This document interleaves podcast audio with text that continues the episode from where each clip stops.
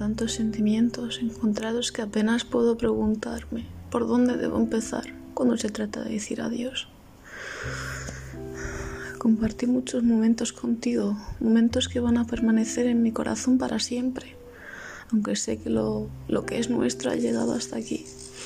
No voy a negar que duele, porque apenas, porque una parte de mí todavía está donde tú estás, pero también soy consciente de que las cosas han cambiado muchísimo y ya no me obligaré a forzarlas.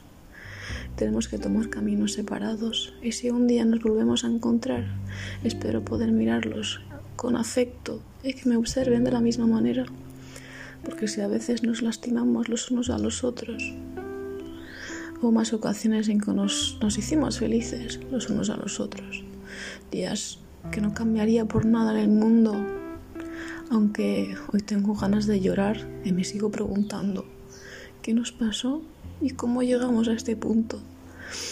Supongo que estas son respuestas que voy a tardar un poco en descubrir o tal vez nunca lo sabré. Ahora ha llegado el final de una de las etapas más bellas y dolorosas de mi vida, pero no me arrepiento de haberlas vivido contigo. No sé qué esperar mañana, ni si alguna vez conoceré a alguien con quien tenga que quedarme. Pase lo que pase, le deseo la mejor de las suertes y solo me queda decirte que me acordaré de ti.